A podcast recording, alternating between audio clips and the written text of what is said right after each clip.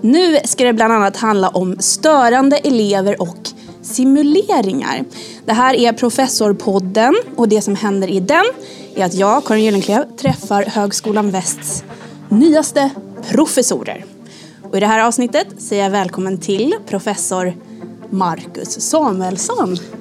Tack! Hej! Hej, trevligt att vara här. Professor Marcus. Ja, precis. Du kan kalla mig Marcus, det går också bra. Ja, jag tycker det, professor Marcus, det låter inte jätteprofessorigt att heta Marcus. Eh, nej, det kanske det inte gör. Eh, det finns ju direktör Marcus, det finns kock Marcus och eh, nej. Nu jag, även professor. Nu även professor. Men Marcus fungerar alldeles utmärkt. Ja, ja men då, Ja. då håller jag mig till det.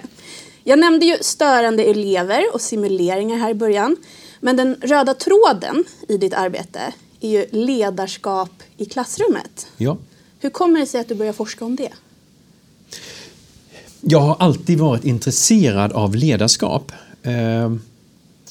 Egentligen började det med att jag själv eh, blev ledare inom friluftssammanhang och inom eh, ett skolidrottssammanhang på ett läger i Blekinge. Där liksom först var lägerbarn och sen så blev jag ung ledare där, Mörtsjölägret heter det. Ja. Eh, Och då liksom tyckte jag själv att det var spännande och utmanande, ibland frustrerande men allt som oftast väldigt roligt att leda andra och liksom tänka ut men hur ska jag få de här att fungera ihop och röra sig i den riktningen som jag tänker att de liksom ska röra sig åt.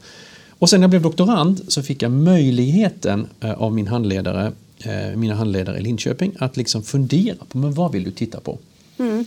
Och då gjorde vi ett gemensamt projekt, var ute liksom och följde lärare och tittade på arbetsformer och då upptäckte jag att lärare i väldigt hög grad, vilket förvånade mig, både korrigerade, liksom rättade elever, eh, sitt ordentligt, titta rakt fram, men varför har du gjort sådär?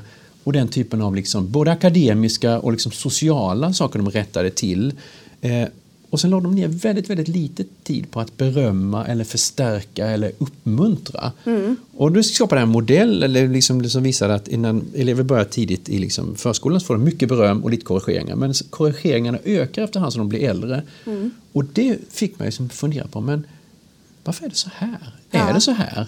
Eh, vad skulle hända om jag följde eh, en och samma klass över väldigt lång tid? Vilket mönster skulle då synas? Ja. Men och, eh, då gjorde du ett avhandlingsprojekt som handlade liksom om störande elever. Ja. ja. Och eh, vad kunde du se i det då? Stämde det liksom? Var det det här mönstret du såg? Ja, precis. Mönstret jag såg stämde, eh, stämde på ett sätt kan man säga. Jag kan återkomma till det. Eh, men jag följde alltså sju, tre stycken skol och sjuklasser under åtta månader och deras lärare. Jag gick utifrån elevernas schema och liksom gick på olika lektioner. Och jag kunde se lärare som var väldigt angelägna om att vara viktiga för de här eleverna i sjuan. De liksom sa, jobbade mycket med relationer och klassrumsklimatet och liksom, de ville vara betydelsefulla. Men jag såg också de som inte riktigt gjorde det jobbet. Eh, Och det var förstås skillnad i vad la de sen sitt fokus på. De jobbade med regler, de jobbade med förväntningar. Och då kunde jag liksom kort se att, att eh, de la ner väldigt mycket tid på att liksom korrigera och de riktade framförallt korrigeringarna mot pojkar i mycket högre grad än mot flickorna. Det vill säga de hade föreställningar om pojkar, pojkars beteende. De pratade också en del med mig om att nu får vi de här och de här killarna och då måste vi tänka på det här. Men de sa aldrig nu får vi de här och de här tjejerna och nu måste vi tänka på det här. Tjejerna tilläts inte till exempel att vara besvärande eller störande. Utan de skulle vara liksom flitiga, uppmärksamma, göra som Duktiga flickor, flickor. gör. Medan pojkarna liksom förväntades i många fall att vara besvärliga eller liksom inte riktigt vara fokuserade. Vilket också en del pojkar reagerade mot. En av dem sa till exempel till mig, har du hört hur lärarna pratar om oss pojkar? Var koncentrerade, titta framåt, var uppmärksamma, ha med alla grejer. Jag kommer i tid till skolan, skriver rätt på alla proven, ombytt till idrotten, fattar inte lärare hur det känns att höra pojkar, pojkar, pojkar. Ja, han blev liksom bara ihopklumpad. Han blev ihopklumpad. Alla pojkar blev ihopklumpade till en. Ja. Och det här innebär ju att, att de här lärarna, fast de var väldigt duktiga på liksom va- vilja vara betydelsefulla, så hade de inte riktigt koll på de verktygen de använde. Det var liksom lite grann slumpmässigt som de använde eh, socialt tryck till exempel, det vill säga att de tog hjälp av eleverna för att återföra någon elev till arbetet. Eh, Och ibland så använde de rätt verktyg mot rätt sak. Men ibland blev det liksom, men varför gjorde de så där i det fallet? Ja. Och därför kunde jag inte heller prata om det som strategier. För strategi för mig är liksom en genomtänkt sak. Men det här verkade vara mer som att de stack ner handen i en verktygslåda och så fick de upp någonting och sen använde de det. ja. Mer eller mindre framgångsrikt.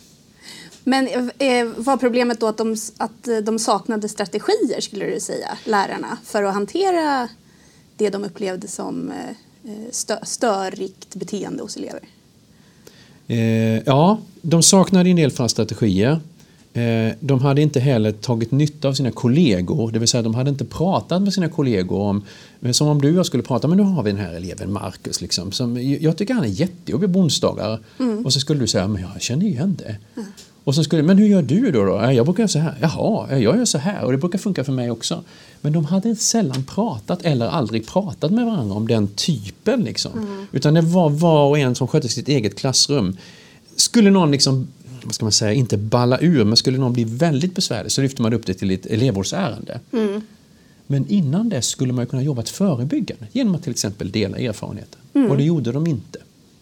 Men eh, en, en sån här studie gjordes 1998 Ja. och sen så gjordes en jämförande 2013. Ja, precis. Fanns det någon, såg man någon skillnad på hur, hur lärare hanterade sådana här situationer under de här 15 åren som ändå gått? Eh, kortsvaret är nej. Nej. Kortsvaret är nej. Det fanns ingen skillnad utan lärare uppmärksammade liksom samma sak som besvärliga 2013 som 1998. Som också samma saker liksom 1968, 66 och så vidare när de första studierna gjordes. Och det är elever som pratar utan tillåtelse. Det är det som man besväras mest av. Vilket förstås går tillbaka på, det är inte så konstigt tänker jag. Elever är tvingade att vara i skolan. 25 000 timmar av sina liv är de tvingade att vara i skolan. Eh, de får ibland veta att nu får du prata, nu får du inte prata. Men de har ett jättestort behov av att prata med lärare som är de näst viktigaste personerna i deras liv, enligt många undersökningar. Efter familjen och föräldrar så är lärare de viktigaste personerna i deras liv. Så det är klart, de måste prata med lärare. Ja. De upplever ibland också lärare som inte liksom är kortfattade och tydliga utan pratar väldigt länge om oväsentliga saker. Numera allt mer om administration och betygssättning och bedömning och nationella prov. Det är inte så konstigt att de liksom känner att men nu vill vi prata om annat. Ja. Och då gör de det. Och så om lärare hade varit tydliga med att säga så här att nu tänker jag att ni lyssnar en kort stund. Jag ska göra mitt bästa för att vara kortfattad och effektiv och tydlig. Och sen pratar ni och sen samlar vi ihop oss och pratar allihopa och sen pratar ni. Så lärare liksom instruerat. Så hade det varit, tror jag, ett annorlunda klimat i klassrummet än vad det är. ja. Men eh, jag tänker att vi ska gå vidare lite, eller är det något du känner jag måste tillägga Nej, kring det nej här? vi går vidare, absolut. Nu är det dags för ett litet segment som jag har i varje avsnitt. Och det går ut på egentligen att de som lyssnar ska lära känna dig lite mer som eh, privatperson. Eh, men det går också framförallt ut på att du ska avsluta mina meningar. Mycket bra. Ja, du, du känner att Jajamensan, det du är med på noterna. Ja. Då, då börjar jag. Jag äter helst. Hemlagad mat, därför att i nio fall av tio smakar den bättre än den mat man köper på restauranger. Vad som helst som är hemlagat. Eller har Vad du som någon helst som är hemlagat. favorit? Eh, husmanskost är favoriten. Ja. I skolan var jag den som... Alltid var först ombytt till idrottslektionerna. Ja. Var du, var du lite störig också? Var du en sån som Nej, på? inte störig. Däremot uppfattade mina kompisar att det var störande att jag alltid var först ombytt. Så vid ett tillfälle så band de fast mig i toalettstolen, vilket en lärare uppmärksammade och kom och undrade var jag var någonstans. För läraren hade sett mönstret. Men vänta lite nu, var är Marcus? Och sen hittade han mig. Prank kallar man det idag. De band fast dig i toalettstolen? Yes, så är det. Okej, men ni eh, fortsatte vara vänner efter Absolut. det? Ja, okej. Om jag var tvungen att byta yrke så skulle jag jobba som... Diplomat. Mhm. Jag lovade min svärmor att varje gång jag får chansen så, så ska jag svara diplomat. Vi är överens hon och jag om att diplomat verkar vara ett spännande arbete. Ja. Eh, och slutligen, min favoritsport är... Eh, ja, det är fotboll. Ja, du älskar fotboll. Jag älskar fotboll. Ja, vill du berätta, vill du utveckla den kärleken lite här? Ja, jag kan utveckla den kärleken lite, hålla mig lite kort. Men det bygger på att jag liksom som, som ung i, liksom i en by i, i Blekinge där det fanns ett fotbollslag också liksom socialiserades in i fotbollen. Mycket i kamratkulturen runt fotbollen. Vi tränade fotboll men vi stannade framförallt kvar efteråt och spelade kort, jag och mina kompisar. Sen blev jag liksom fotbollstränare för, för ett gäng tjejer när de var åtta år som nu är 15, så det var ju fantastiskt. Eh, sen har jag också på det här lägret, Mutsjölägret, kommit att vara ansvarig för något som heter bollspel tillsammans med en av mina bättre kompisar eh, och där vi bland annat har fotboll. Mm. Och numera jobbar jag också eh, tillsammans med en professionell fotbollsdomare och igår tittade jag på fotboll på TV och jag ser fram emot ikväll igen när det är Champions League. Liksom. Ja. Så att fotbollen finns på många olika nivåer. Ja. ja. Men det har aldrig varit så här, jag vill bli fotbollsproffs? Nej, det har det inte. Därför att jag har aldrig haft den... Eh, jag har aldrig haft det drivet. Jag tror man måste ha liksom en, en tävlingsinstinkt. Eh, jag tränade fotboll för att liksom, mina kompisar tränade fotboll. Jag älskade att spela fotboll, mm. Eh, men jag älskade inte att träna. Så jag hade aldrig kunnat bli proffs för jag var helt enkelt för liksom, träningsovillig. ja. ja. Jag tänker att vi ska hinna med simuleringar också som du eh, forskar kring och utvecklar och sådär. Du har varit med och gjort datasimuleringar som ska hjälpa blivande lärare. Ja. Hur funkar det eller vad är det? Ja, men vi drar kort, vi tar två stycken. I Linköping byggde vi en som vi kallar för en radioteatersimulering.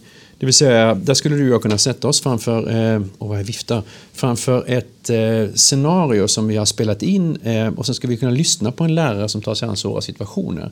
Och sen tar vi ställning till olika alternativ. Ja, men skulle vi vilja göra A, B, C eller D? Mm. Och då skulle en av oss före den andra säga så här, men det här alternativet är spännande. Och då skulle den andra, enligt vår erfarenhet, säga, hur tänker du då? Mm. Och då måste vi sätta ord på hur vi tänker och då snackar vi metakognition, metareflektion. Eh, så det tränar liksom tankarna om val jag gör och argumenten för mina val. Mm. Och sen här nu på, på HV bygger vi tillsammans med Linköpings universitet en, en annan simulering där vi jobbar mot avatarer. Ja. Semivirtuella liksom, eh, figurer på en stor tv-skärm eller datorskärm. Ja. Eh, ser de ut som små elever då? De eller? ser ut som elever, fem, ja. fem elever med olika karaktär. Och sen skulle vi då bjuda in till exempel dig till den och så skulle jag tala om för dig, nu ska vi träna eh, ledarskap i klassrummet. Mm. Nu ska vi träna instruktion. Kommer du ihåg vad som är viktigt nu när du ska instruera? Och då skulle du säga så här, det gäller att vara kortfattad och tydlig kopplat till, till målen och, och liksom kopplat till arbetsformer. Precis ska jag säga, mycket bra. Då kör vi. ja. Och så skulle du börja med att hälsa och säga, hej, Eh, hur är det med er idag? Och så skulle direkt en av eleverna knyta an och säga så här. Åh, hur är, jo det är jättebra, är det med dig? Vilken snygg kofta du har Den här grå är jättesnygg. Den är melerad va? Och försöka liksom distrahera dig. Från mitt uppdrag? Från ditt uppdrag. Och då skulle du vara tvungen att tänka, vänta lite nu, det där är den eleven som jag inte ska börja kommunicera socialt med utan ska säga, ja vi tar det sen. För mm. nu var det ju det här. Men om du hade varit mindre tränad så hade du liksom fastnat hos den eleven. Jag skulle sagt tack så mycket. Jag tycker också att det är en ja, fin... Ja, och, ska, och den ser varm ut också. Och den ser jättespännande ut. Jättevarm är den. Ja. Och så skulle du liksom fördjupa så skulle jag säga så här, vi stannar där. Ja. Och sen, men du, vad var det du skulle göra nu då? Ja, för då får man så här, game over. Eller du har liksom... nej, nej, nej, du får inte game over. Du, du förlorar heller inga liv eller något sånt. Utan, men då skulle jag säga, vi stannar där. Så skulle jag fråga dig, men vad var det vi skulle göra nu? Mm. Och då skulle du, Just det. Och så skulle du säga så men hur gick det då? Ja, ska jag fråga, hur gick det? Och så skulle vi repetera och så skulle vi liksom då komma tillbaka till det och träna och träna tills du sitter, tills det där sitter så du ja. inte liksom låter det distraheras. Så man, trä, man kan träna liksom samma lilla eh, del av en lektion ja, precis. Eh, som man tycker att man, det här behöver jag träna ja, på för. Jag det tappar lätt fokus eller jag fastnar i det här eller det här. Man ska, kan säga så här att om man är ute på att göra sin VFU, och det är ju jätteviktigt. VFU, det vet jag inte. Nej, det vet du inte. Verksamhetsförlagd utbildning. Praktik ja, kallas praktik, det för. det är ett ja, bättre ord. Precis, det är ett bättre ord, ett enklare ord. Eh, mycket bra. Eh, men om man är ute och gör sin praktik så kan man träna, man kan instruera en gång varje lektion. Mm. Och träffar man då rätt så funkar det. Men man kan liksom inte på, på samma naturliga sätt backa och säga vänta vi, vi stannar där, vi tar om det här, det blir inget bra. Nej. Därför till slut skulle de här verkliga eleverna tröttna liksom och säga så, men alltså, vi vet att du tränat till att bli lärare. Men det här funkar liksom inte. De, deras vanliga lärare skulle läsa av det och tycka liksom att ja, men, men i den här simuleringen, de här avatarerna, du kan träna hur många gånger som helst. De tröttnar aldrig. Nej. Nej. Utan de liksom... Så himla tacksamt. Och så bara tada! Och så sitter de där. ja. Och så, det innebär liksom att det är det närmaste dynamisk träningssituation man kan komma ja. som förberedelse för att liksom sen gå ut och möta. elever. Och det här är väl tänkt då som ett komplement, inte att det ska ersätta de verkliga mötena med elever? Nej, självklart. Det är ett komplement. Det är ett komplement före, alltså som en förträning inför någonting. Men det kan också vara som ett liksom, komplement efter. Va? Man får besked till exempel av en av lärarna på, ute på fältet i skolorna att den här studenten är ju fantastisk men den får inte till just det här. Skulle ni kunna erbjuda några träningstillfällen efteråt? Liksom för att ju- justera upp den och sen skickar vi ut studenten och sen kollar jag bara av i en verklig situation. Ja. Så det, så funkar. Det kan också vara tänkt för, liksom, för verksamma lärare förstås. Ja, ja, som inte får till liksom, sitt ledarskap till exempel. För bara för att man har gått en lärarutbildning kanske man inte är liksom, femstjärnig på alla fronter. Nej, lärarutbildning är grunden men det är ingen garanti för att det sen ska fungera. Nej. Ingen vågar ju säga det. Och det kan också vara så att man som lärare upptäcker att till exempel, vi får, vi, nu har vi fått mycket nyanlända. Jag har inte lärt mig någonting. Det här är ett stort problem för lärarutbildningen för vi liksom ligger hela tiden steget efter. Så kan man säga så här, men jag vet inte alls hur jag ska hantera det här. Skulle man kunna träna upp någon slags grundläggande sån här förmåga i en simulering? Ja, men absolut. Ja. Då skriver vi fram ett sånt scenario, du är välkommen hit och sen ställer vi dig i simuleringen och sen tränar vi det. Ja. Ja, men jag tycker, det låter ju jättespännande och det känns ju som verkligen någonting i, i tiden Ja, eh, också. ja. Ja. Kul. Jag tänker att vi ska ta en liten eh, slutfråga. En liten slutfråga. Ja, vi, ska, vi ska titta framåt. Oj. Ja, så här kommer en ganska, det kan vara en svår fråga. Vad drömmer du om i framtiden? Drömmer. Drömmer är ett svårt ord. Jag är inte säker på att jag skulle valt det ordet. Men eh, jag hoppas och tror att det kommer att gå bra för Sveriges damer eh, i fotbolls-VM som kommer nästa sommar. Och att jag ser fram emot att vi på det här lägret, matchlägret, ska titta på de här matcherna precis som vi förra sommaren tittade på herrarnas matcher. Det låter som en mysig, inte dröm, men förhoppning. Ja, det är en mysig förhoppning. Eh, och jag tror den kommer slå in. Ja. Vad, är du inte en drömmande man, eller vadå? Gillar du inte det? Oh. Eh, nej, jag gillar inte ordet drömmar. Eh, man kan säga så här, alltså som den friluftsmänniska jag är så, så brukar folk säga så här, jag gillar ett äventyr. Men för mig som är både ledarskapsforskare och friluftsmänniska så ska jag säga så här, äventyret är bara resultatet av dålig planering. Och därför kan jag ha lite svårt för ordet drömmar. Alltså jo, men klart man drömmer om saker. Men jag hoppas och tror snarare hellre än drömmer. Okej. Marcus Samuelsson, tack så himla mycket för det här samtalet. Tack själv, Ja, det var trevligt. mycket trevligt.